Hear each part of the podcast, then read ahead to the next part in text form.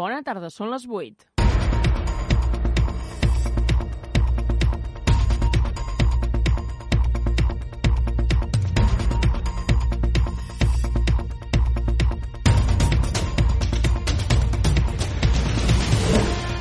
Bona tarda, Sallent. Són les 8 i avui, 22 d'abril, repassarem tot el que ha anat passant durant aquesta setmana a Sallent, al nostre poble. Comentarem primer de tot els actes que es tenen previstos eh, per Sant Jordi, on el focus principal d'atenció estarà al Parc Pere Sallés i també a la plaça de Caldeia. També explicarem que hi ha hagut una petita millora a l'equipament cultural la sala Vilà i Valentí. La regidoria de Festes i Cultura ha impulsat aquesta millora per tal d'adequar a l'espai. També anirem a fer una mica de memòria històrica perquè Sallent recorda l'alcalde republicà Rafael Bonals coincidint amb l'aniversari de la República Catalana. Tot això i molt més avui aquí al Sallent a debat. I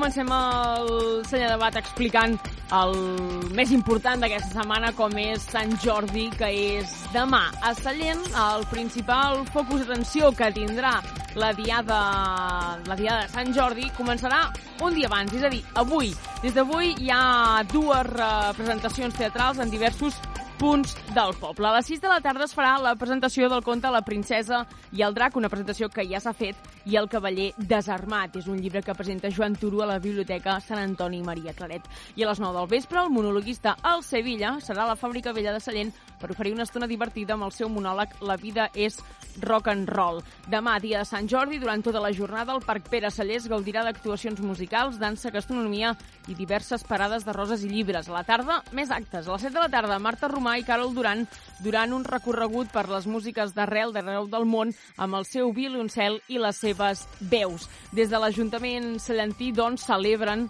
aquest, que es torni a fer un altre Sant Jordi normal. En parla així Diego Miranda, regidor de Cultura.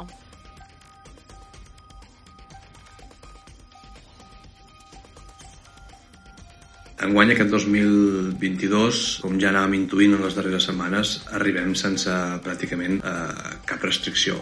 Això ha fet doncs, que programem un, un, un Sant Jordi pràcticament normal. Enguany el que volem fer i el que fem és eh, centralitzar una part important dels actes de Sant Jordi al Parc Municipal, on durant tot el dia, des del matí fins al vespre nit, tindrem música, dansa, tindrem gastronomia, tindrem, evidentment, parades de llibres, parades de, de roses, no?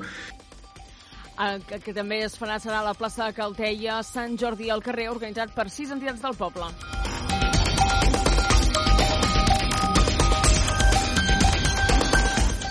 I anem més notícies aquí al Sallent a debat i és la millora de l'equipament cultural Sala Vilà i Valentí. La regidoria de Cultura i Festes ha impulsat la millora de l'equipament cultural de la sala Joan Vilà i Valentí per tal d'adequar l'espai i garantir el confort d'aquesta sala que rep un elevat nombre de sol·licituds de reservar per part d'entitats i col·lectius del municipi. S'han pintat les parets i s'han col·locat alguns elements decoratius nous. Aquesta millora ha estat possible gràcies a una subvenció de la Diputació de Barcelona.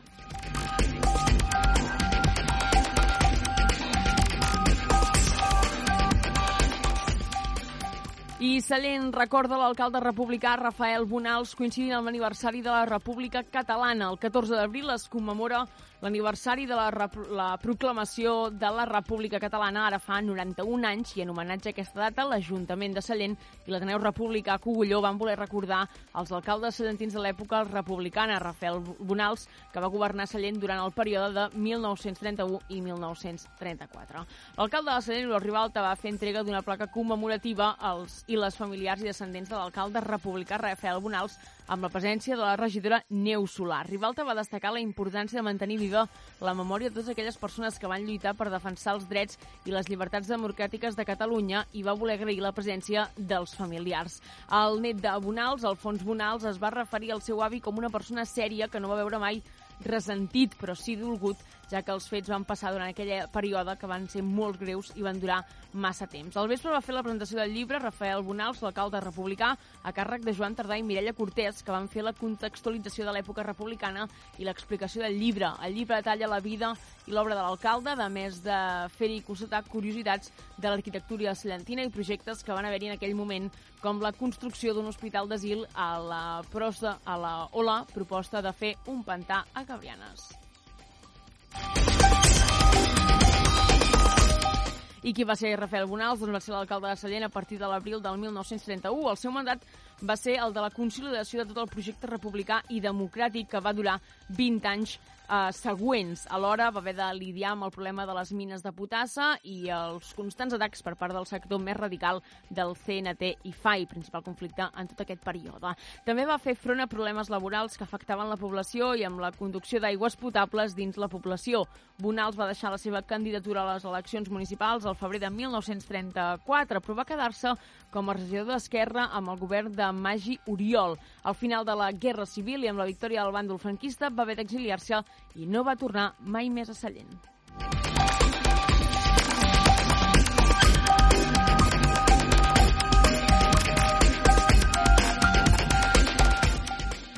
Totes aquestes notícies les complementarem ara amb el Sallent a debat, tot explicant també que el Consell Comarcal d'Infants de Sallent uh, ha participat al ple comarcal, va ser el dimecres, el Consell va participar al plenari i van presentar el treball dut a terme de l'anàlisi i debat de com ha de ser el nostre municipi per tenir en compte les diversitats i així ser un municipi inclusiu. També explicarem que a Sallent, des de que hi ha el nou model de recollida selectiva, s'ha aconseguit un 70% de reciclatge després d'implementar el sistema. Tres setmanes ha durat aquesta... A, a tres setmanes n'hem tingut prou per consolidar-nos amb un 70% del, del reciclatge. El consistori del Bages el Consorci del Bages per la gestió de residus va lliurar aquestes dades la segona setmana d'abril a l'Ajuntament i tant el Consorci com el Consistori es mostren molt satisfets per aquests primers resultats. Tot això ho comentarem ara al debat amb el Valentí Escaiola i la Mercè Maceda i també seguidament tindrem l'agenda de la setmana amb la família Galobart Viladric.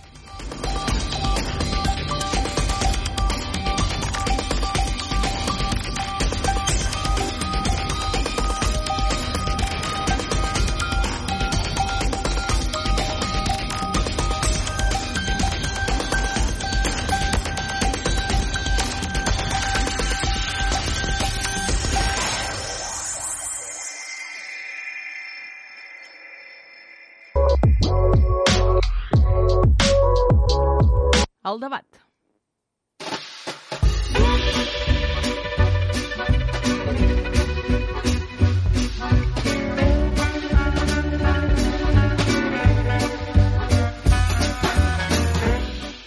I ara repassem totes aquestes notícies que hem comentat a la primera part del Sallent a debat, amb Mercè Maceda i Valentí Escaiola.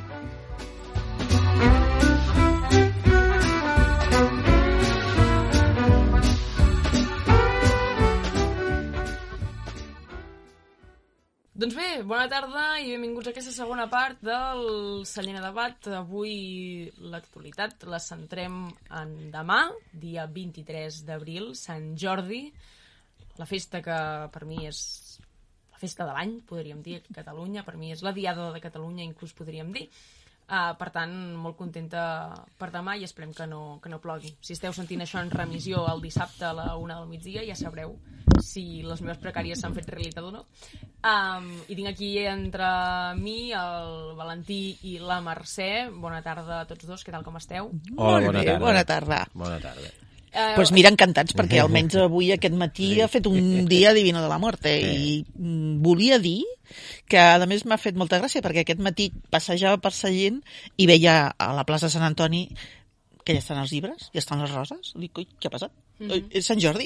N'hi ha hagut un moment que he tingut un creuament de... Un lapsus. un lapsus. A veure, avui? És avui? No, no, és demà, no? M'ha fet gràcia. Uh -huh. M'he quedat una mica. aprofitar que fa bo. Claro. Ja demà.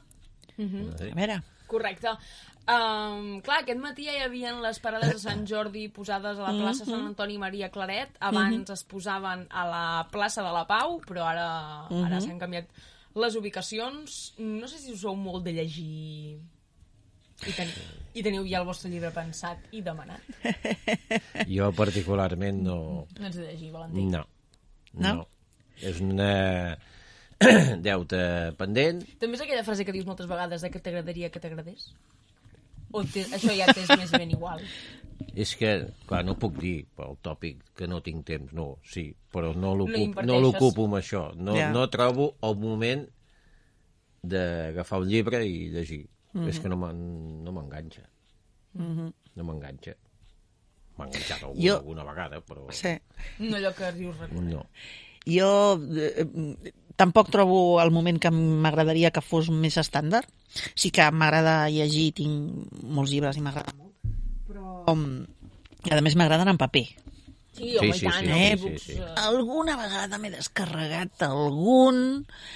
El telèfon que va bé, també, perquè estàs al metro, al bus, no sé què, va molt bé, però, però a mi m'agrada el paper, veure el llibre, m'agrada, no sé, és molt maco. Jo, I escriure de tant en tant. Depèn sí, del llibre. Sí, Depèn del sí, llibre i escriure. Sí, doncs, eh, llapis, doncs ara eh, m'he llegit un llibre que, que a més el recomano per, qui- per qui el necessiti, perquè jo penso que és un llibre que, que, que qui el necessita li fa molt bé, que és del, de l'Àngel Martín, no sé si l'heu sentit aquest, si voces vuelven.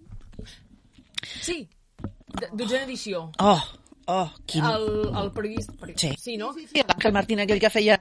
Eh, que hiciste, sé lo que hiciste. Amb la... Te'n recordes que feia un programa de televisió que es deia Sé lo que hiciste, així de cotilleos i de no sé què? Que és molt maco, és molt eixerit, és molt, és molt divertit. I que ara fa... Cada dia fa les històries... Eh, Sí, les, sí, sí, sí, sí, sí. En dos minuts. Sí, al Twitter. Sí. Correcte. Doncs eh, aquest nano ha passat per un problema psicològic important i, i, i ha escrit un llibre de com se sentia i com doncs ha escrit aquest llibre, no? Por si les voces vuelven. Mm, Me l'he llegit, mm, te dic, et dic que en dos dies perquè vaig llegir mm, una estona un dia i una estona una altra. Però, o sigui, és devorar-lo, o sigui, anar passant pàgines anar passant pàgines i, i és eh, superinteressant per algú que hagi tingut algun problema que, que et veus reflexat. Vull dir, jo he, tinc, he tingut algun, algun familiar a prop i, i, i realment dius, ostres... I, I allò, no? Sí, sí, i, vaig, i inclús no, li vaig enviar un correu que suposo que no mirarà i que rep mare meva de correus um, dient-li que gràcies que sempre m'havia caigut molt bé que és molt maco, que és molt eixerit però que ara l'estimo perquè és que és realment un llibre espectacular perquè hi hagi tingut eh, tants problemes que n'hi ha psicològics eh, últimament eh, degut a la pandèmia, que sempre es parla que falten psicòlegs a Espanya, que falten... No sé, pues, pues és, és un llibre molt maco.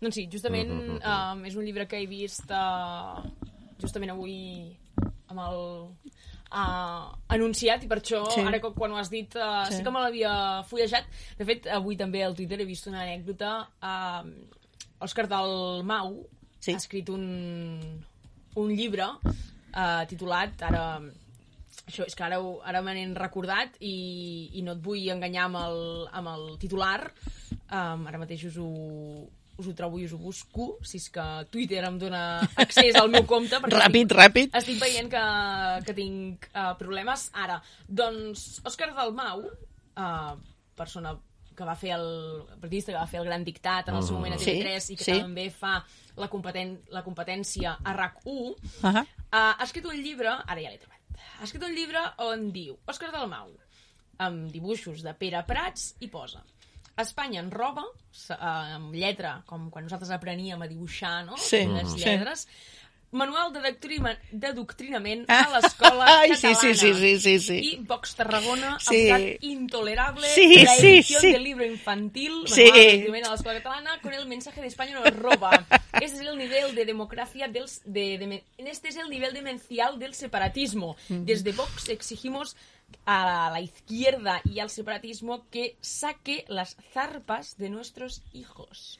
Eh, la cosa està que la resposta jo crec que més ràpida seria Um, I es nota que vosaltres... no llegiu perquè només mireu la tapa Sí, de fet, l'Òscar Dalmau ha, Mm. ha, mm, ha explicat directament llegiu, sí, clar, llegiu, exacte llegiu. De fet, ara ha penjat fa poca estona, bueno, aquest matí ha penjat un, un missatge de 20 segons on posa atenció, el que sentireu a continuació si feu play al vídeo és una dramatització del que passa a les escoles catalanes que segueixen el manual d'adoctrinament. Avisats esteu, segurament que deu ser una paròdia uh, del, del De, llibre. sí, exacte. En fi, um, Bueno, què, què podem esperar de, de Vox? Exacte. És que, és que, és que...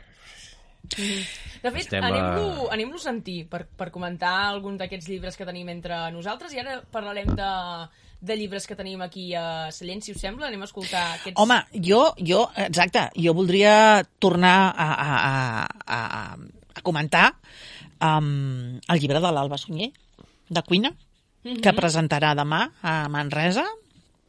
Bueno, eh, vull dir demà, que estarà, que es pot, que es pot anar a comprar, evidentment, qualsevol dia, però bueno, um, és molt maco. Jo mm, trobo que és molt interessant, és un llibre també molt, molt recomanable per aquests dies, molt interessant, una salentina que ens fa un llibre de cuina catalana per Espanya i per Estats Units.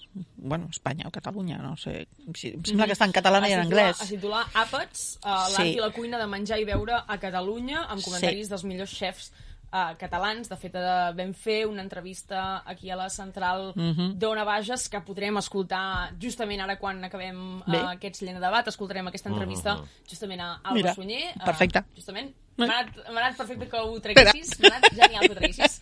Um, escoltarem aquesta entrevista uh, per parlar-nos una mica sobre uh, aquest treball que, que ha fet i bé, molt interessant, evidentíssimament mm. uh, tindrem ganes de, de llegir-lo. Un altre dels llibres que pod també podem llegir i que la setmana passada va haver-hi... Bueno, durant aquesta setmana hi ha hagut la presentació del llibre Ara el titular, el, el títol, no me'n recordo, espera't un moment que... Avui estic de, en busca Ah, avui estàs en busca, sí. Eh? En busca de títols, en busca de captura. Sí, pues sí, jo, sí. mentre tu busques, jo, jo recomanaria un que, que no és d'aquest any i que no ha sortit d'aquest any, però que m'he da igual perquè és que el trobo absolutament meravellós, que és Sapiens. Sapiens, per mi, és un llibre que, que s'ha de que s'ha de llegir. Bueno, és un llibre gros, és un llibre, buf, um, amb tota la història de la humanitat i n'hi han em sembla que n'hi han dos. Exacte, n'hi ha Sapiens, que és el primer, el segon, no me'n recordo, de, de, de Animales a Dioses, em sembla que és el segon, i després encara el, el Yuval Noah ha tret un altre que es diu... No me'n recordo, però bueno, és igual, sobre... Ai, no me'n recordo també. Mira, estem, estem, estem divines. Jo he, trobat, jo he trobat el títol, es diu Rafael Monals, alcalde republicà de Sallent. Me l'he començat a fullejar i explica molt la història de Sallent d'aquella època. i del nostre poble. De fet, hem de reivindicar que Sallent, a part de tenir moltes coses, tenim molts llibres. L'abans, mm. el Sallent ha desaparegut. Ara, un altre, Rafael Bonals, alcalde... Ui, perdoneu. Uh, Rafael Bonals, alcalde republicà de Sallent. Mm -hmm. Moltíssimes coses mm -hmm. uh, que any rere any fem que Sallent doncs, tingui aquesta memòria històrica. Uh, en llibres de les entitats de Sallent, que també n'hi ha un munt. Um, altres llibres que, que havia escrit el desaparegut uh, Ferran Sánchez. Sí. Um, hi ha un llibre, per exemple, que el tenim també a casa, que és sobre els carrers de Sallent, uh, i explica doncs, molt la història. Sempre hi ha, penso que hi ha persones que marxen una mica abans d'hora, i en aquest sentit, l'historiador de Sallent penso que encara ens hagués regalat un llibre més Segur. sobre qualsevol altra temàtica, sobre qualsevol altra cosa. Um, els has vist, no, per això, aquests llibres? No sé si teniu Sí, l'abans, no, no, vosaltres a casa, sí, un gran sí. treball. Val. Perquè no, no llegeixo, fulleixo. Sí. Bueno, perdona, hi ha llibres fan, fantàstics de, de fotografies de Sallent, absolutament meravellós. Sí, que sí, que sí. No, eh? Sallent, això- Sallent antic, em sembla que es diu, potser. I és que qualsevol llibre que veig sobre Sallent el compro. Tinc Mhm. la secció en Sallent. Sí, de fet, uh, ara a Instagram també hi ha un compte que es diu Sallent Antic, Sí, que van publicant notícies... Fantàstic. Uh, bueno, notícies no, perdoneu, Fotografies. just del moment i de Sí, l'època que sí, estem sí. ara vivint. Fa poc Sí. pas, va parlar sobre les Sí, caramelles... sí, també sí, sí, sí, de m'encanta. Diferents, temàtiques. m'encanta i, i és recomanable que tothom segueixi a l'Instagram aquest de Sallent Antic. És molt No, maco. que falta que hi hagi un seguiment amb això, no? Perquè si el nostre historiador de capçalera, el Ferran, doncs ens va deixar, doncs no sé si això hi haurà continuïtat o... Sí, segur, sempre hi ha algú que, que continua amb... Perquè això és una feina Sí, sí. potent. Jo és que sempre Sí. ho he vist tan difícil, escriure un llibre. Se ve que una cosa Sí. impossible. Sí, Per sí, mi, sí. impossible. Allò que diuen que has de Eh. plantar un arbre, tenir un fill i... I escriure un llibre. No sé si has plantat un arbre, Valentí. Fills no, tinc filles, però plantar Sí. arbres no. Planto... No has plantat cap arbre? has Segur que sí. Algun No sé, hauràs poder de plantat. petit poder sí. Segur. Uh, home. Però bueno, ara planto patates. Tens un hort, Valentí? bueno, meu pare té un hort i vaig allà de tant en quant. I... Però bueno, va portant ell, eh? I ja- Sí? Sí, sí. És una feinada portar un hort, eh? Però, bueno, per això, Mare pues, meva. que cada vegada més, però almenys una feinada manual que tu aprens i ja està, Eh? eh? pues, que un llibre Sí, sí, sí, que sí, també s'aprèn. Eh. No? Hi ha aquests famosos que fan servir algú que li... Com Eh. futbolista no escriu el llibre ell. No. Pues va amb algú que li escrigui, ell li dicta les seves vivències i aquell li passa litera literàriament perquè allò tingui un sentit. Perquè Mm, Sí. Mm. si tu comences a escriure i ho llegeixes dius, collons, això no, no, no, no lliga. Bueno, tampoc O dius tothom... les mateixes paraules contínuament, o fas Sí. servir les mateixes expressions, perquè no saps com dir-ho. Sí, però que també és veritat que, que n'hi ha, per exemple, llibres que els agafes i, i, i segueixes que no pots evitar seguir, i hi ha llibres que els agafes i quan i portes, sí, eh? quan te portes, sí, clar, vull dir que sí, poder és correcta la forma d'escriure, però uf, Ja. Carai, ostres, és, és com intragable. Jo encara recordo la, el meu, a, a, a, la meva espirita clavada és el Lobo Estepario. El Lobo Estepario, que sempre diu, no, és fantàstic, és maravilloso, que llibre, no sé què. Jo, jo l'he començat, jo crec que cinc vegades. I a la pàgina 10 dius, mira, pues ho sento, però jo no puc amb aquest llibre. No, no, clar, que... Ho sento, no puc, no Sí, sí, puc. allò que dius, no, no puedo, no puedo más. No puedo. No puedo. Bé, uh, Sallent, aquesta setmana, perdoneu, aquesta setmana no són moltes les coses que hem arribat a, a succeir, tot i que la setmana passada vam tenir, mm. vam tenir un petit uh, peron. El que sí que hem de destacar, per exemple, és que no me'n recordo si ho vam parlar, uh, que Sallent ha obtingut el 70% de reciclatge Sí, després de la implementació sí, del nou sí, sí, sí, sí, sí. d'escombraria. És una notícia que va sortir el 12, el 12 d'abril, la setmana passada no vam fer Sí. informatius, per tant no ho vam poder comentar 70% en menys de 3 setmanes. Sí, sí, molt bé. No, no, està bé. Sí. Estem... Estamos lanzados. Estem exposats. Segurament... Eh que amb el mòbil encara no va, no? Encara no va. Ah, amb això anem tard. Això anem tard. Sí. Mm, Em van dir un responsable que això seria qüestió de... Quan van començar, qüestió d'una setmana, i ja devem portar un, mes. o- Sí, potser sí. Sí, perquè encara no ho han I no- anunciat per ni xarxes socials ni des de l'Ajuntament, per tant entenem que encara no, no es pot fer efectiva uh, aquesta obertura de, Del mòbil. del sistema de recollida amb el mòbil. Mm. Haurem de No, continuar. jo no he tornat a veure aglomeracions d'escombraries, poder una mica... Bueno, alguna bossa per allà a sobre, que algú suposo que es deixa la targeta, o millor amb el mòbil, com el tens més a sobre, ja evitarà això, Mm. tot i que els porcs continuaran existint. Sí. Perquè conec un racó, i a més que ha sortit al Facebook, pot ser on és un racó que s'està acumulant merda, que és allà a la muralla. Ah, sí? Sí, allà al, Per què? allà al Pont Nou, Sí. si tu passes pel costat de... No, no, o sigui, entres... És que anem diem a la muralla, com li dic això? Sí, és... Ah, Bueno, ah, sota, ah, sota ah. el pont nou. Sota el si pont tu, nou. Si tu vas pel carrer Santa Cristina en direcció Sí. al Pont Nou, Sí. passes, pots tirar cap amunt, cap Sí. al carrer Cos, però si continues passes pel que és la muralla. Sí. Que hi ha una barana, que ho van Sí. fer nou, que hi ha un aparcament Sí. a baix. Sí. Quan ja passes d'aquell trosset tan estret, Sí. a, a, a, que hi ha un racó aquí a mà esquerra, Sí. eh, que, que està cada dia hi ha més merda allà. Mm. És com un abocador improvisat. Però, però a, en, en el pàrquing, la part del pàrquing a baix? A dalt. O al carrer? A dalt. Al carrer. A no. dalt. Però i... Que camines una i mica això? més i hi ha les escales de baixar. Sí. Ah, no sé. I això? Pues mira, Quin- pues que algú ha començat a deixar i, i algú continua deixant merda allà. Sí. Tot i que ja Ja s'hi ha, n'has de començat, ja s'ha començat a actuar, eh? Ah, Home, és que... perquè fa dies que ho veig. Clar. Això. Ja s'hi ha començat a actuar i... No podem dir res més, però ja s'ha començat a No, no, actuar. no, no, no. No, Està Per bé. tant, No, no, perfecte, Aquest, aquest que- abocador improvisat, com tu deies, que no hi ha Ah, millor sí. definició... No fa Ja. gaire vaig passar i encara hi havia més de llonces, però bueno. Pues, home, això... Sí, sí, No, no, però si les dades alguna canten cosa. i això ja s'ha incrementat, doncs serà que l'objectiu s'es- s'està complint. Sí, sí, sí. Sí, sí, era, és, és un dels objectius, lògicament. Vull dir, fer una bona, un bon reciclatge i una bona separació i que, i que ens ha sortit més econòmic doncs, la recollida d'escombraries, que sempre és important. Clar, perquè és que si no ens surt, eh, ens surt molt més cara. Eh, eh, Li surt molt més cara a l'Ajuntament. Però, clar, a vegades mm, no ens n'adonem compte que l'Ajuntament som, som, Som tots. vull dir, Exacte, vull dir, els diners que paga l'Ajuntament, eh, si, si li pugen el preu de les escombraries, de la recollida d'escombraries, eh, els diners que paga l'Ajuntament són diners nostres, que administra Sí, sí, l'Ajuntament, sí, i que clar. si els ha de pagar per, per, per, per, per recollida d'escombraria no els pot pagar per una residència, Correcte. per ejemplo. per exemple.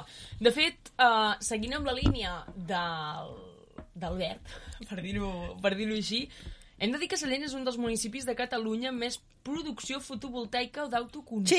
Sí, sí. Alerta, estem en el, en el top 6 Sí, per darrere de Barcelona, Sant Cugat del Vallès, Gurb, Lleida i Vic. És a dir, grans ciutats Sí. i estem per davant de Reus, Terrassa i Granollers. sí. És a dir, està per sobre d'una ciutat com, per exemple, Terrassa, um, i a mi em sembla bastant increïble. Vull dir... Sí, perquè s'han posat moltes plaques en el, en el polígon. Mm. I llavors, doncs, això ha pujat la mitja una brutalitat. Clar. Doncs sí, ara estava mirant les, les imatges d'aquestes d'aquestes plaques i la veritat és que és un... Sí, sí.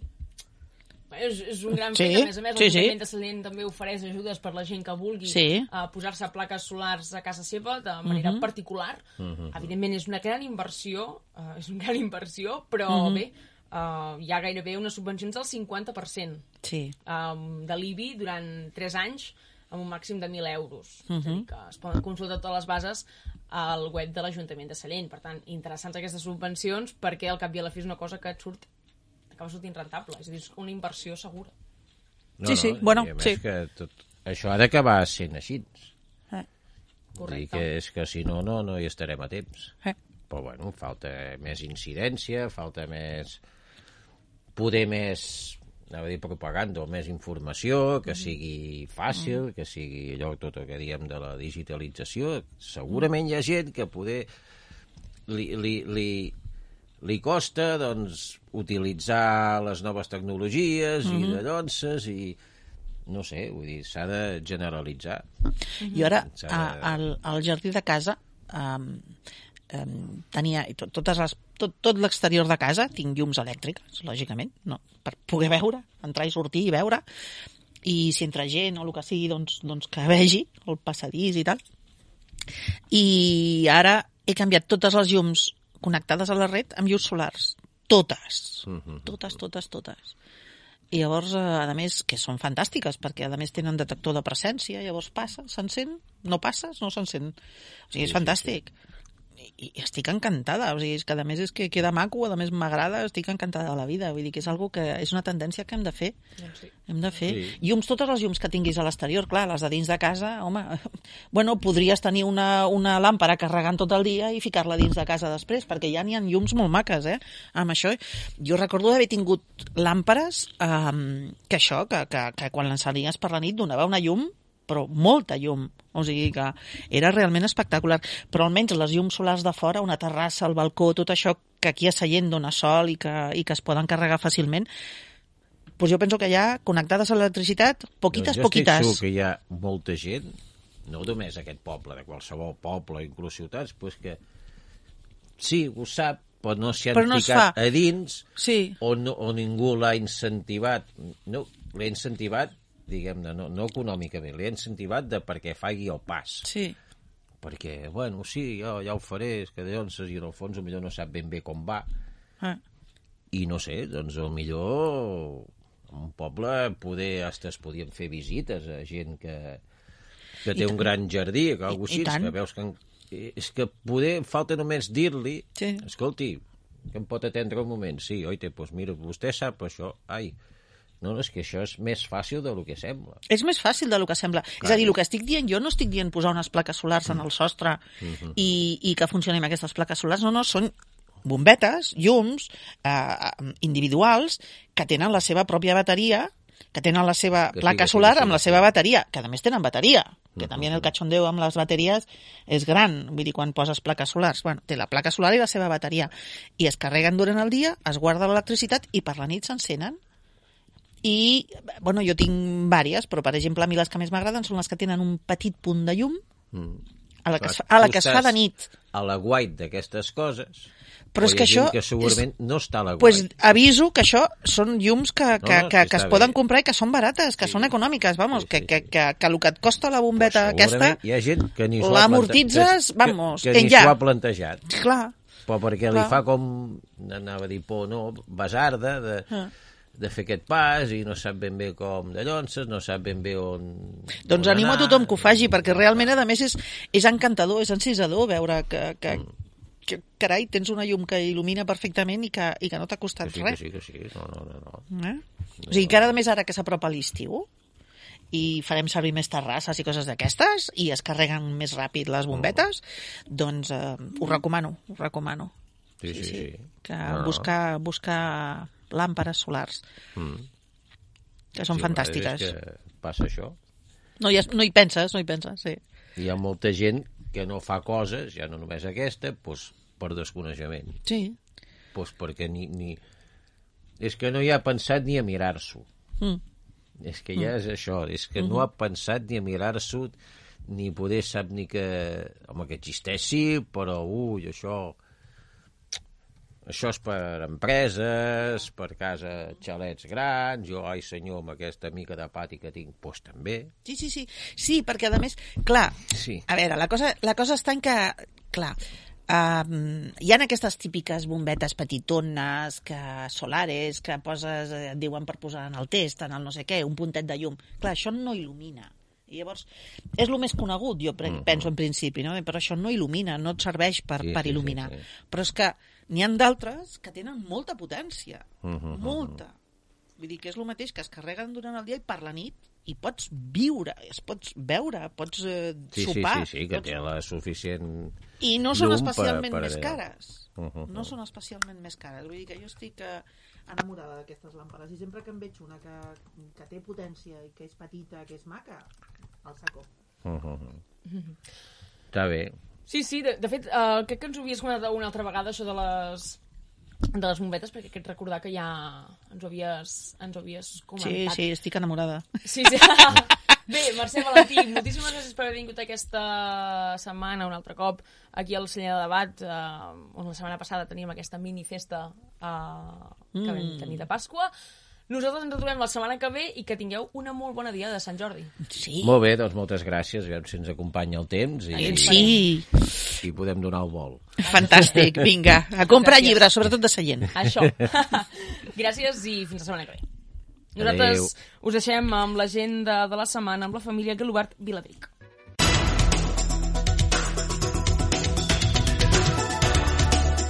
Benvinguts. Aquesta setmana destaquem a l'agenda Divendres 22 d'abril, dins dels actes del mes cultural de Sallent, a dos quarts de nou del vespre a la sala Jordi Fàbregas de l'Espai Cultural Fàbrica Vella, monòleg La vida és rock and roll, amb el Sevilla. A l'acabar un concert de la seva banda, Los Mojinos, el Sevilla entra al seu camerino fent pudor de rock and roll. Mentre es treu la roba de lleopard i els seus collarets oxidats, no només es despulla per fora, sinó que també ho fa en cos i ànima, tot confessant com de dur és viure sent un rockero. No pel fet de ser-ho, sinó pel fet de viure.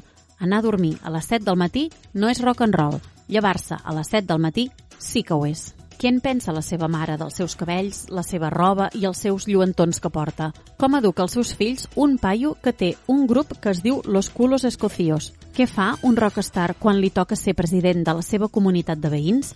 Aquestes i moltes altres curiositats es resoldran a la vida és rock and roll. Entrades a 12 euros, majors de 65 anys 10 euros i menors de 25 8 euros. A l'Ajuntament de Sallent, l'Escola de Música Cal Moliner. L'enllaç fabricavella.sallent.cat i mitja hora abans a les taquilles del teatre. Aforament limitat. Dissabte, 23 d'abril, dins dels actes del mes cultural de Sallent, durant tot el dia de Sant Jordi, al Parc Pere Sallés, actuacions musicals, dansa, gastronomia i diverses parades de roses i llibres, servei de food trucks durant tot el dia. Vine a gaudir-lo. a les 11 del matí, 42a Roda Infantils d'Esbarts Catalònia. amb Esbar Rubí, Esbar Vitrac Dansa, Esbar Dansa Jove de Navàs i Esbar Vila de Sallent. A les 4 de la tarda, actuació del Combo Ara, grup femení de combo de l'Escola Municipal de Música Cal Moliner, que interpreta temes del pop català. A dos quarts de sis de la tarda, actuació de Jan Bonet, presentant el seu nou treball acompanyat per Timothy Camba, bateria, i Francesc Auguets al baix. Melodies pop amb sonoritat properes al funk, groove i rock. A les 7 de la tarda, actuació de Marta Roma i Carol Duran. El violoncel i la veu de Marta Roma i el violí i la veu de Carol Duran ens conviden a un recorregut per músiques d'arreu del món que les ha captivat a jugar i experimentar amb elles. Dels fandangos als boleros, del bluegrass al son huasteco. Cançons plenes de força i energia per fer fugir les penes. A les 9 del vespre, Santi Arisa i Giuseppe Costa. El concert Orígens. Cultivar el repertori tradicional popular de Catalunya i els països catalans. Un repertori que volen mantenir viu i en constant modificació. Dissabte, 23 d'abril, els col·lectius del poble, Carrilet, CGT Sallent, Ateneu Popular Rocaus, Assemblea Feminista de Sallent, Agrupament Roques Albes i La Fumera s'han unit per tornar al carrer de la millor manera possible, amb música i cultura, a la plaça Ensem Clavé o de Calteia. A les 10 del matí, parada dels diferents col·lectius participants. A les 12 del migdia, Los Mandrós. A dos quarts d'una, vermut musical amb tremendo. A les 5 de la tarda, Gincama i Berenar. Treballar menys, treballar totes, de créixer millor. A càrrec d'ecologistes en acció. A les 9 del vespre, sopar d'entrepans. A les 10 del vespre, música amb PDCAT. A les 11 de la nit, concert amb la Fumera All Stars. Diumenge 24 d'abril, dins dels actes del mes cultural de Sallent, a les 12 del migdia, al Parc Pere Sallés, audició de sardanes a càrrec de la Cobla de Súria. Organitza Dansaires Sallentins. Diumenge, 24 d'abril, a les 8 del matí, des de la plaça Sant Antoni Maria Claret, el Foment Arqueològic Excursionista Sallentí organitza la 36a Caminada Popular de Sallent. Dos recorreguts a escollir, 13 o 18 quilòmetres, quatre avituallaments amb xocolata i coca, botifarrada, fruita i vermut. Inscripcions 5 euros als socis i 8 euros no socis. Al local de l'entitat, Cal Amadeu, Martí Esports i a l'Ajuntament de Sallent. Diumenge, 24 d'abril, a les 2 del migdia, al passeig 1 d'octubre, el Foment Arqueològic Excursionista Sallentí organitza el dinar 50 aniversari del FAES. Dinar amb pica-pica, segon plat de carn o peix, postres i begudes. Sobre taula musical amb Mount Sound. Només inscripcions anticipades. Tiquets a 15 euros al local del FAES, Calamadeu, Martí Esports i l'Ajuntament de Sallent. També informació i reserves per WhatsApp al 648 969934. Diumenge, 24 d'abril, a les 6 de la tarda, a l'espai La Fàbrica de Cabrianes, antiga fàbrica Berenguer, dins dels actes del Chal Art 2022 de Cabrianes, Ildor Llach fa un assaig obert del seu espectacle Cirt Enginy O, espectacle finançat amb taquilla inversa. Organitza l'OTP de Cabrianes. Dilluns, 25 d'abril, dins dels actes del mes cultural de Sallent, a dos quarts de nou del vespre, a l'Espai Cultural Fàbrica Vella, presentació del llibre Ànimes tocades, d'Assumpció Malagarriga. L'abril del 2015, l'Assumpció Malagarriga va tenir un ictus i la normalitat de la seva vida es va veure profundament alterada. A partir de llavors, va començar un procés de recuperació que va evolucionar en un inesperat retrobament amb si mateixa. Amb les intervencions de la doctora Neus Ticó Falguera, metge rehabilitador, cap del Servei de Rehabilitació Altaia, xarxa assistencial universitària de Manresa, Fàtima Hernández, penya fisioterapeuta de l'Hospital de Sant Andreu de Manresa i el Cor Jove de l'Escola Municipal de Música Cal Moliner. Dimarts 26 d'abril, dins dels actes del mes cultural de Sallent, a dos quarts d'onze del matí, a l'entrada del Parc Pere Sallés, Poesia al Parc. Lectura col·lectiva de poemes amb el Centre Ocupacional d'Empans i la Residència Sant Bernat. A les 6 de la tarda, a l'Espai Cultural Fàbrica Vella, taller de tècniques d'improvisació teatral, a càrrec de la Tàtals. Per totes aquelles persones que ja porten a dins el verí del teatre i vulguin explorar el món de la improvisació, i també per aquelles que encara no s'hi han atrevit mai i que busquen l'excusa perfecta per provar-ho. Grups de 18 a 99 anys. Inscripcions a l'Ajuntament de Sallent. Places limitades. Organitza la Palanca. A les 7 de la tarda, a la Biblioteca Sant Antoni Maria Claret, conversa amb Pau Vidal, lingüista, escriptor i traductor de les obres d'Andrea Camillell. Organitza el Club de Lectura de Sallent. Dimecres 27 d'abril, dins dels actes del mes cultural de Sallent, a les 11 del matí, al Parc Pere Sallés, Cagallufes al Follet Rondinaire, un espectacle pels més petits de les escoles Torres Mat, Badruna i Els Pins. Dijous 28 d'abril, dins dels actes del mes cultural de Sallent, a les 5 de la tarda a la caseta Taller de Manualitat. Vine a passar una tarda creativa amb la Duigo. A dos quarts de nou del vespre, a la sala Jordi Fàbregas de l'Espai Cultural Fàbrica Vella, el cicle Gaudí presenta la pel·lícula Mediterráneo. Venda d'entrades a la taquilla del teatre mitja hora abans de l'inici de la pel·lícula. Dijous, 28 d'abril, a les 6 de la tarda, a la sala de plens de l'Ajuntament de Sallent, la Diputació de Barcelona i l'Ajuntament de Sallent fan la presentació pública del Pla Especial de Protecció del Patrimoni i catàleg de béns arquitectònics, històrics i ambientals del municipi. Treball desenvolupat al llarg del mes d'un any, coordinat pel Cervell de Patrimoni Arquitectònic Local, que ha catalogat 252 béns de diferents àmbits. Es tracta d'una eina que permet establir mesures per conservar el patrimoni de Sallent, recuperar-lo i millorar-lo. Alguns exemples de béns catalogats són la Casa Torres Amat, Fàbrica Cal Berenguer, Església de Sant Ramon, Fàbrica Vella, Castell de Sallent i de Cornet, Església Parroquial de Santa Maria, esglésies de Sant Pere de Serraïma, Santa Maria de Cornet i Sant Miquel de Serrassans, arbres singulars, tines, pous, murs de pedra, entre altres. L'acte compta amb les intervencions d'Oriol Ribalta, alcalde de Sallent, José Luis Sanz Botell, cap al Servei de Patrimoni Arquitectònic Local, i de l'equip redactor del Pla Especial, i Miquel Estruc, regidor de Patrimoni Municipal. Totes les persones que vulguin assistir-hi han de fer la inscripció a través del formulari que podeu trobar a la web de l'Ajuntament. Places limitades i s'assignen per ordre d'inscripció. Per qualsevol dubte o incidència amb el formulari podeu contactar al mail comunicació arroba sallent.cat. Divendres 29 d'abril, dins els actes del mes cultural de Sallent, a dos quarts de nou del vespre, a la sala Jordi Fàbregas de l'Espai Cultural Fàbrica Vella, presentació del CD de sardanes Lluna Plena, de Jaume Riu Ratera, a càrrec de la principal de la Bisbal.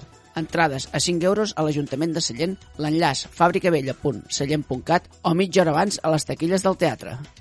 Dissabte 30 d'abril i diumenge 1 de maig, dins els actes del mes cultural de Sallent, a la Torre del Gas, vine a gaudir de dos dies plens de música, dansa i gastronomia a la Fèria d'Abril de Sallent. Durant tot el dia hi haurà inflables i jocs pels més menuts.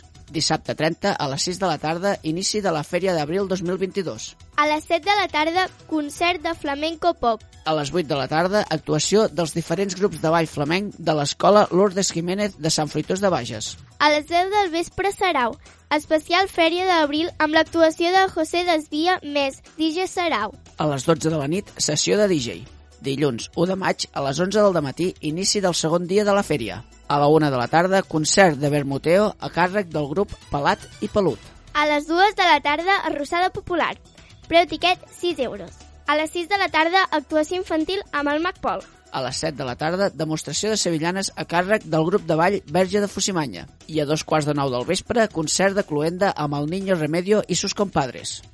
Dissabte 30 d'abril, dins els actes del Xalart 2022 de Cabrianes, a les 12 del migdia, a la plaça de la Vinya, Rúbrica Teatre presenta el seu espectacle Deslop. A dos quarts de sis de la tarda, a la plaça de la Vinya, sortida comentada al voltant del poble. Usos i virtuts de les plantes a càrrec d'Helena Sixto. Organitza l'OTP de Cabrianes.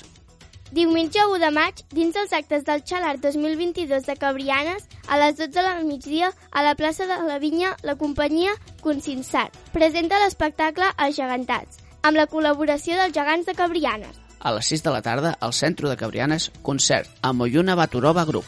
Organitza l'OTP de Cabrianes. Més informació a l'Instagram, Facebook i Twitter de Ràdio Sallent i sintonitzant el 107.6 de la FM. Donar a conèixer la cuina catalana als Estats Units. Aquest és l'objectiu que s'ha marcat una sallentina resident a Detroit. Ho farà a través del llibre The Catalan Table, o Àpats, en català. Per parlar-ne ja podem saludar la seva autora, des de Detroit. Alba Sunyer, molt bon dia i benvinguda a la central. Hola, molt bon dia, Jordi. Donar a conèixer la cuina catalana als Estats Units. Aquesta és una mica la intenció no? d'aquest uh, llibre que, que has tret?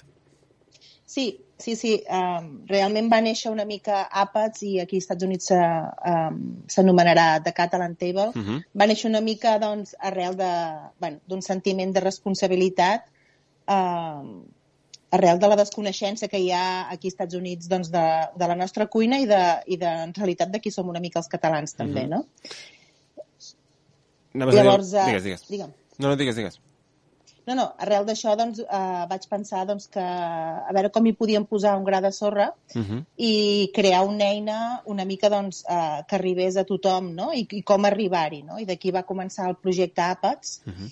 i, i bueno, si vols t'explico una mica com, com el vam dissenyar. I tant, sí, sí, endavant. Doncs mira, uh, Àpats el vam crear a través de la recepta, que és el vehicle que fa de transmissió de tot el, de tot el, el projecte. La recepta només ocupa una tercera part del que és el, la plana i el reste, doncs, um, bàsicament hi ha molt, molt... situem i contextualitzem la recepta en un context cultural, històric, i aleshores tenim una eina molt potent que engloba tots els aspectes no? i dona una mica sentit històric i cultural a aquesta fórmula, que la recepta en si és una fórmula. Per tant, obtenim un, un, una eina que no només és un receptari, Uh -huh. sinó és una eina molt potent en quant a, en quant, en quant a transmissió cultural. No? Mhm. Aprofitem el, el, aquest receptari, per dir-ho d'alguna manera, per transmetre també qui som, eh, doncs per què ens ho mengem, quan ens ho mengem Mhm. i, i una mica com també. I arrel d'aquí doncs, afegim un aspecte molt important que no només és el tema eh, doncs de la recepta en si, sinó que és un maridatge a Mhm. través de la Clara Antúnez, una molt bona sommelier que teniu a Catalunya, um, i afegim un maridatge. A través d'aquest maridatge introduïm 100, caller, 100 cellers catalans Uh -huh. que bueno, doncs, eh, han participat també en el projecte oferint els seus vins i, i doncs, també explicant una mica doncs, la seva història i donant-los també una mica de veu. Per tant, és un llibre de receptes que va molt més enllà, no? Entre cometes, simple llibre de receptes. Exacte, no és un receptari. Uh -huh. És una eina, eh, va ser creada per, doncs, perquè a través de la recepta arribar molt més, molt més enllà, perquè la recepta en si, eh, Jordi, eh, sí que és una eina molt potent per, per la transmissió d'aquest eh, patrimoni material que tenim, eh, però si no la contextualitzem i no li donem un context cultural històric, al final és, un, és una fórmula, no? Uh -huh. que està molt bé i sort n'hem tingut perquè si no no haguéssim pogut no, no s'hagués pogut transmetre, no? i s'ha transmès doncs, a les cases, s'ha transmès en, en, en molts ambients, però en realitat, si no, si no li donem un context cultural, la recepta és, un, és una cosa buida, no? Eh, El llibre, a banda mm, eh, d'aquestes receptes, d'aquest anar eh, una miqueta més enllà, no? Aquest, aquesta vessant més de, de, de història, de context, també, a banda d'aquest vessant més um, de maridatge, també compta amb l'opinió d'una trentena de, de, de grans cuiners catalans.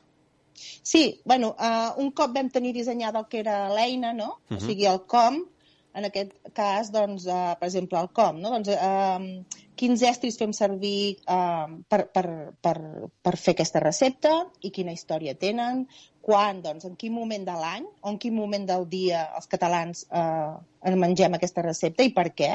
El per què englobaria tot el que és l'apunt històric, llegendes, orígens, uh, orígens que, que pensem que només són una llegenda o d'altres que sabem que són certs. Um, què? Què fem servir per fer aquesta recepta? I aquí doncs, en- engloba tot el que són ingredients, producte català, uh -huh. um, tot el que és el cultiu d'aquest producte, denominacions d'origen, doncs també una mica quin és el producte no?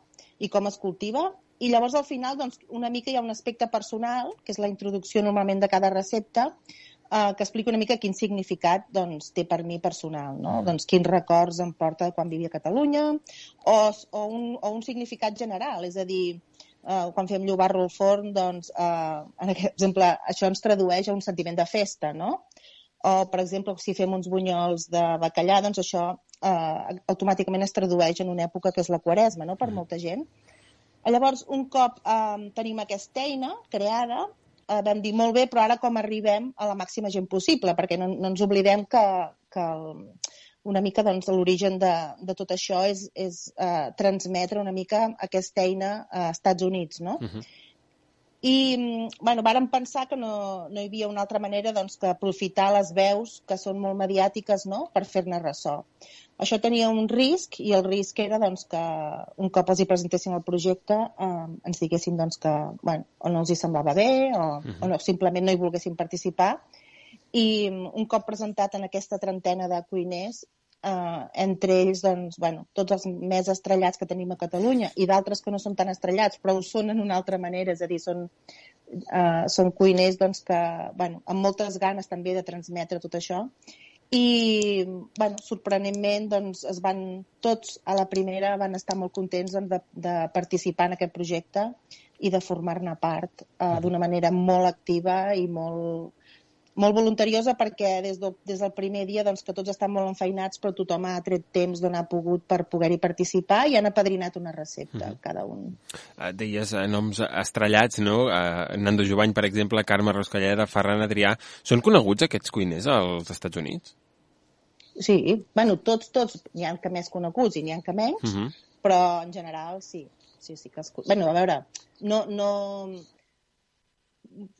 Al final és la veu que tenim, no? Vull dir, uh -huh. n'hi haurà que arribaran més lluny, n'hi haurà que no tant, n'hi haurà que arribaran a un, a un cert grup de gent i d'altres seran més, molt més mediàtics, però jo penso que sí, que faran molt bona feina. Uh -huh. Uh, fa, uns, unes, fa un moment parlaves no, d'aquests productes que feu referència a, en aquest llibre. Clar, el llibre posa sobre la taula, i mai millor dit, plats amb, amb productes i ingredients típics de la cuina catalana, no? Parla de pa amb tomàquet, de pollastre, l'escudella... M'imagino que són uh, productes que aquí sí que són típics, però allà no. Són productes que es poden trobar.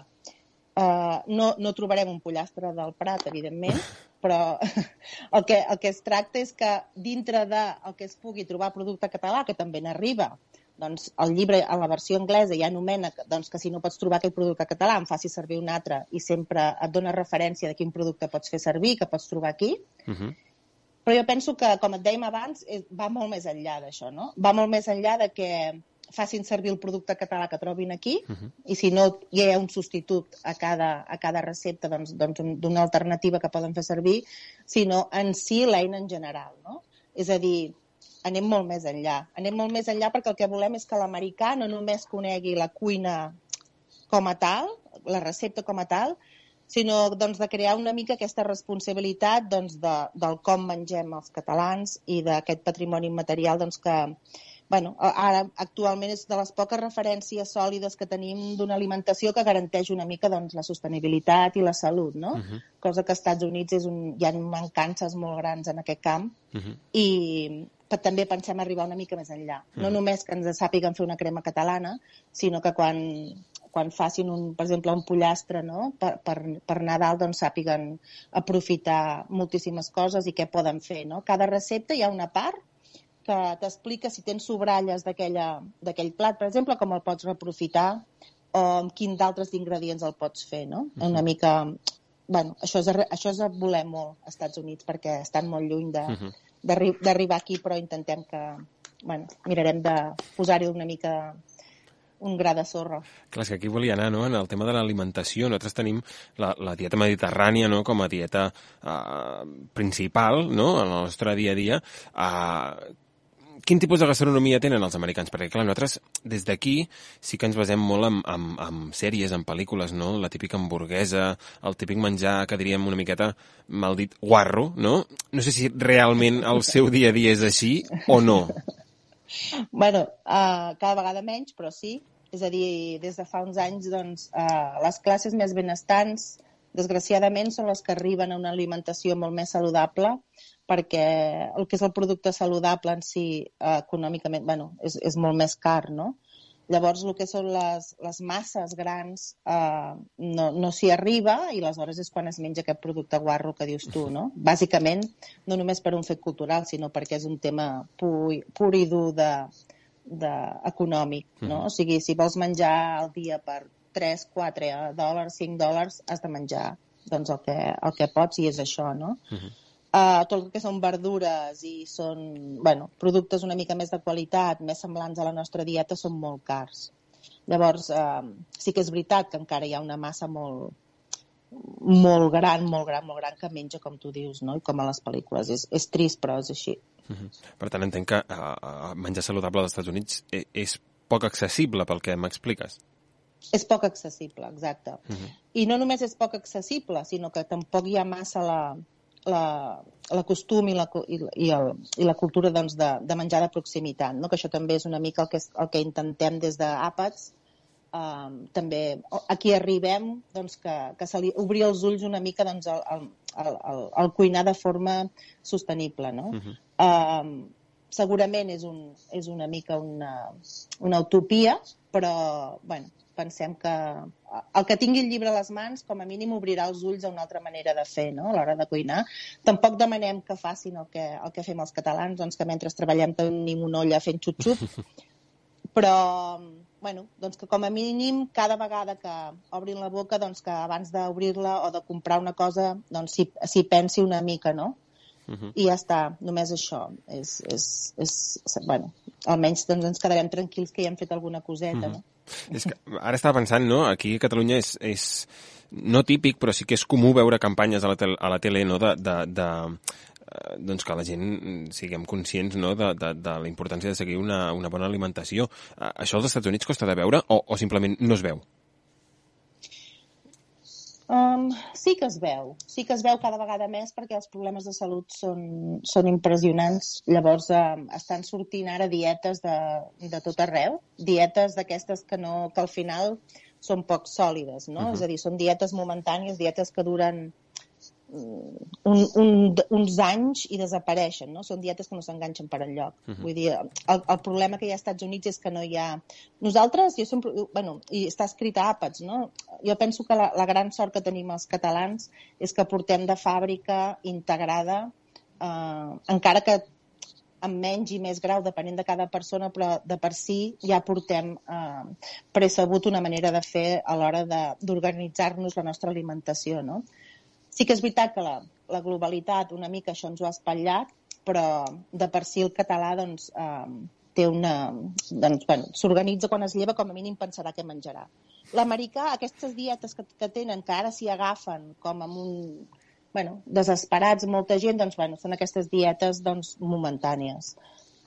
Um, a mi em sembla que l'única referent... I a les xarxes socials també estan, i, i, i fan molt mal, no? perquè a Catalunya també cada vegada eh, pel que tinc entès, també molta gent doncs, es deixa endur per aquestes dietes mm. momentànies de, doncs, que sobretot a Instagram i, i no només dietes, sinó maneres de, de menjar. No? I penso que hem de tornar a la, a la dieta tradicional, que com a mínim és, és la referència sòlida que tenim que ens garanteix una mica doncs, la salut i la sostenibilitat. Mm -hmm ara m'ha fet pensar no, que uh, quan deies allò de que a vegades els catalans estem treballant i tenim a l'olla uh, allò al foc fent xup-xup, no? És, és una mica que uh, a mi em dóna la sensació que els catalans gaudim menjant, alguns, no tots, gaudeixen cuinant, i en canvi als Estats Units a mi em dóna la sensació que és com anem a fer-ho ràpid perquè ho hem de fer perquè hem de sobreviure, no? Bueno, és que una cosa és... Um tu et lleves al matí, Jordi, no sé si ho fas, però jo em llevo i jo penso, ostres, avui què menjaré, no? Jo, jo acostumo a preguntar-ho el dia abans, ja. Bueno, doncs em sembla encara millor. em sembla molt bé. Uh, a veure, aquí als Estats Units la gent menja quan té gana, no? Uh -huh. Què passa? Si tu no planifiques i no t'organitzes i no penses què menjaré perquè no és una prioritat, no? Aleshores, quan tu sents el rum-rum de l'estómac, què passa? Doncs que menges el primer que trobes, no? Llavors, eh, uh, no hi ha una cultura de menjar uh, més o menys en uns horaris establerts. A veure, sí, sí, més o menys, però vull dir, no és com allà, doncs, que a les dues, quarts de tres la gent dina, no? Uh -huh. Aquí des de les 11 fins a les 3 pots, bueno, pots trobar gent dinant, a les 4 ja hi ha gent que comença a sopar, i a on? Doncs és igual, a dintre el cotxe... Uh, jo tinc una anècdota per explicar, que quan uh -huh. vaig arribar als Estats Units, un dia doncs, vaig anar a veure la meva veïna, i parlant, parlant, em va dir, ostres, un, algun dia podríem quedar, no? Què t'agrada fer? Dic, home, a mi m'agrada molt cuinar. I diu, dic, bueno, doncs per què no quedem per cuinar, no? I em diu, bueno, jo eh, el mes que ve cuinaré cap allà, més o menys cap a la segona quinzena, eh, cap allà el dia 20 cuinaré. I vaig dir, què, què vols dir que el dia 20 cuinaràs? bueno, doncs és que cuino un dia al mes, no? Uh -huh. uh, clar, és, és molt fort. És mm -hmm. molt fort, però és una realitat, eh, Jordi? Sí, sí, sí. O sigui, sí. La, gent, la gent no cuina. Cuines noves per estrenar, fogons per estrenar, la gent quan surt de la feina agafa la caixeta, arriba a casa i se la menja amb un raconet a, a davant de la pantalla, no? Mm -hmm. I, bueno, també, també el que intentem des d'aquest projecte és doncs, que es posi una estovalla i que se senti a la taula i que, i que es parli, no? Perquè la cuina no només és el fet d'alimentar-nos per poder sobreviure, sinó eh, hi entra el llenguatge, que és un aspecte molt important, i, i la conversa que es crea a taula, que això els catalans, doncs, per, per poc que puguem, sempre som un, dos, i si som sols, com a mínim, ho fem amb una mica de dignitat, asseguts en una taula uh -huh. i, mm. i és, és, és, és difícil, però, bueno, hi ha molta feina a fer. És, és molt, molt, molt curiós, molt curiós aquesta anècdota que ens explicaves. I ara m'ha fet pensar, eh, no sé si eh, el llibre en anglès està editat ja? El llibre en anglès sortirà... El llibre en català de fet, demà o demà passat ja uh -huh. uh, surt d'impremta i probablement en, unes, en uns dies ja estarà a les llibreries i la versió en anglès també sortirà d'aquí... Va uns dies endarrerits uh -huh. perquè hem fet primer un i després l'altre, però sortirà d'aquí 10-12 dies uh -huh. ja, ja el tindrem. Per tant, eh, entenc que no l'has pogut, eh, o potser sí, no sé, et volia preguntar si l'has pogut eh, ensenyar, deixar algú eh, americà que tinguis al teu entorn i, i, i l'hagi pogut posar en pràctica. No encara. No encara, no encara. llàstima. perquè, no, perquè el no xoc encara. aquest que ens explicaves ara, no?, de, de, de, de la teva veïna que cuinava un cop al mes, eh, seria interessant veure com reacciona no, a, a aquest llibre i si el, no, a l'hora de posar-lo en pràctica com, com s'ho fa. Bueno, ja t'ho explicaré. serà interessant, serà interessant escoltar-ho. Serà interessant, sí. Bueno, a veure, l'americà, allò que deies tu, que no li agrada menjar, sí, sí que li agrada menjar, Hmm. eh? El que, el, que no, el que no sap com. No sap... No sap... L'americà no té, és el que dèiem abans, no té aquesta, aquest, aquesta, aquest xip, no?, que tenim nosaltres ja de, de naixement. No el té. Llavors és que encara que vulgui no en sap. No hi ha la cultura de, de, de fer-se ells mateixos, per exemple, un bon caldo. O de... no, no, no, és que no existeix. Bueno, sempre, no existeix, sempre hi ha algú, eh? però no, és, és molt difícil. Uh -huh. I, I quan vas arribar als Estats Units, et, et, et, uh, és a dir, ara mateix, uh, 2022, crec que vas arribar als Estats Units el 2008, si no m'equivoco. Sí. Uh, ara, la, el, el teu dia a dia és, és com el que era aquí? És a dir, cuines cada dia, t'asseus a taula... Has, has, has caigut una miqueta en la trampa dels americans o, o, o més aviat segueixes com quan eres aquí a, aquí a Catalunya? No, no hi he caigut. No hi has No hi he, caigut, no hi he caigut i et diré el per què. Perquè tinc la responsabilitat de transmetre tot això que estem parlant amb, amb tres personetes, no? Uh -huh. que són responsabilitat meves i que, bueno, des del primer dia vaig pensar que, que un tresor que tenim doncs que, doncs que ja ens ve donar pel dia a dia i que no fem cap esforç eh, do, do, doncs per transmetre'l doncs que no, no, no, no, no podia vull dir, era, era un pecat no? Mhm. llavors he intentat, tot i així no ho he, ho he aconseguit però el país té molta força i doncs a vegades es deixen endur per els meus fills doncs una mica doncs, doncs, doncs per la influència, no? Vulguis o no, doncs es relacionen amb el país tot el dia, no? Llavors eh, és molta feina la que has de fer a nivell de... bueno, doncs això, doncs anar- d'anar remant en contra, no? Uh -huh. Però jo personalment eh, no hi he caigut. Uh, tornem una mica al llibre ja per, per anar acabant. Uh, deies que d'aquí dos o tres dies es publicaria aquí a Catalunya. El llibre uh, està editat per la llibreria Parcir de Manresa i crec que és el primer d'una col·lecció uh, amb la Joviat. Uh, a banda d'això, mm, hi ha altres aspectes que lliguen el llibre al Bages, no? Crec que hi ha un, un pròleg, el disseny també és amb segell uh, bagenc. Hi haurà presentació del llibre a la comarca? Sí, serà el dia 28 d'abril a les 7 de la tarda a l'Escola Joviat. I als Estats Units també faràs presentació? Uh, sí, però més endavant. De fet, als Estats Units um, segurament serà cap a final d'any. Uh -huh. Doncs Sí. el dia 28 de d'abril, passat Sant Jordi ja. Exacte, un passat dijous, Sant Jordi. Un dijous. Uh, a la Joviat de, de Manresa, la presentació d'aquest àpats, no? M'imagino, i, el, i als Estats Units de Catalan Table. O els dos? Els dos, exacte. Els dos. Fantàstic. Pel, pel, pel públic anglès de- d'aquí a Catalunya, també. Uh, doncs, uh, Alba Sunyer, moltíssimes gràcies per passar avui per, per la central a presentar-nos aquest, aquest llibre que de ben segur, o espero, uh, tingui, tingui, faci efecte uh, aquí als Estats Units. Gràcies, Jordi. Gràcies a tu. Que vagi molt bé. I fins aquí el senyor debat d'avui. Ens hem pres el dia de les notícies cellentines. Els micròfons hem tingut a la Mercè Maceta, el Valentí Escaiola i jo mateixa, Olga Gili. Que acabeu de passar una molt bona setmana, una bona diada de Sant Jordi i nosaltres ens retrobem la setmana que ve, dia 29 d'abril, aquí a Ràdio Sallent, al 107.6 de la FM. Que tingueu una molt bona setmana i ens escoltem la setmana que ve.